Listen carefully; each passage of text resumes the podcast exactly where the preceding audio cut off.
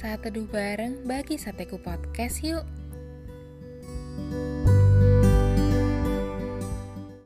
Topik saat teduh kita hari ini adalah menang dari sakit hati. Ayo kita buka Alkitab kita di Ayub 5 ayat 2 yang berbunyi, Sesungguhnya orang bodoh dibunuh oleh sakit hati dan orang bebal dimatikan oleh iri hati. Sahabat sateku tahu Adolf Hitler kan?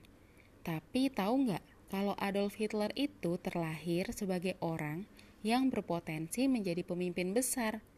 Namun, ia dibesarkan oleh ayah yang menggunakan kekerasan dalam mendidik anak-anaknya. Ayahnya suka memerintah dan menuntut anaknya patuh. Hitler kerap bertengkar dengan sang ayah yang tidak menyetujui keinginannya menekuni seni murni. Perlakuan sang ayah ini membuat Hitler sakit hati dan dendam, yang di mana hal tersebut berpengaruh pada pilihan hidupnya kelak. Sebuah pilihan hidup yang pahit dan membuahkan kehancuran bagi banyak orang.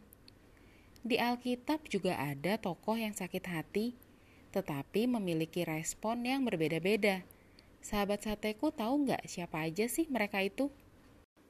Tokoh yang pertama adalah Haman. Dalam Esther 3 ayat 1 sampai 15 menceritakan bahwa Haman benci kepada Mordekai karena nggak mau bangkit dan menghormatinya. Kemudian kebencian itu berkembang menjadi rencana pembunuhan massal terhadap bangsa Yahudi. Nah, inilah respon yang pertama. Tokoh yang kedua ialah Hana. Dalam 1 Samuel 1 dituliskan bahwa Hana direndahkan oleh Penina karena mandul. Hana tentu merasakan sakit hati. Namun Hana gak berpikir untuk menghancurkan Penina. Dengan hati yang pilu, Hana memohon kepada Allah supaya diberikan anak. Oleh kemurahannya Tuhan, Allah mengabulkan doa Hana. Anaknya Samuel kemudian menjadi salah satu tokoh penting dalam sejarah Israel. Ini merupakan respon yang kedua. Dalam kehidupan sehari-hari, kita perlu bersosialisasi dengan orang lain, entah itu dengan kakak adik, teman, sahabat, keluarga, pacar, dan orang-orang lainnya.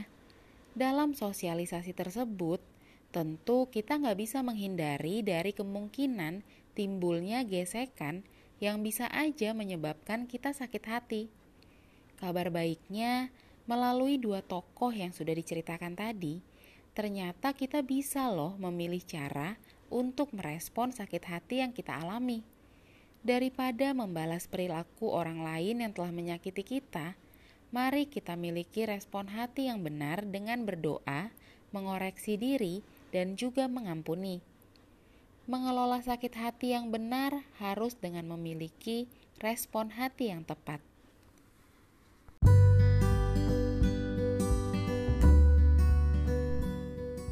Terima kasih sudah saat teduh bareng bagi Sateku Podcast. God bless you.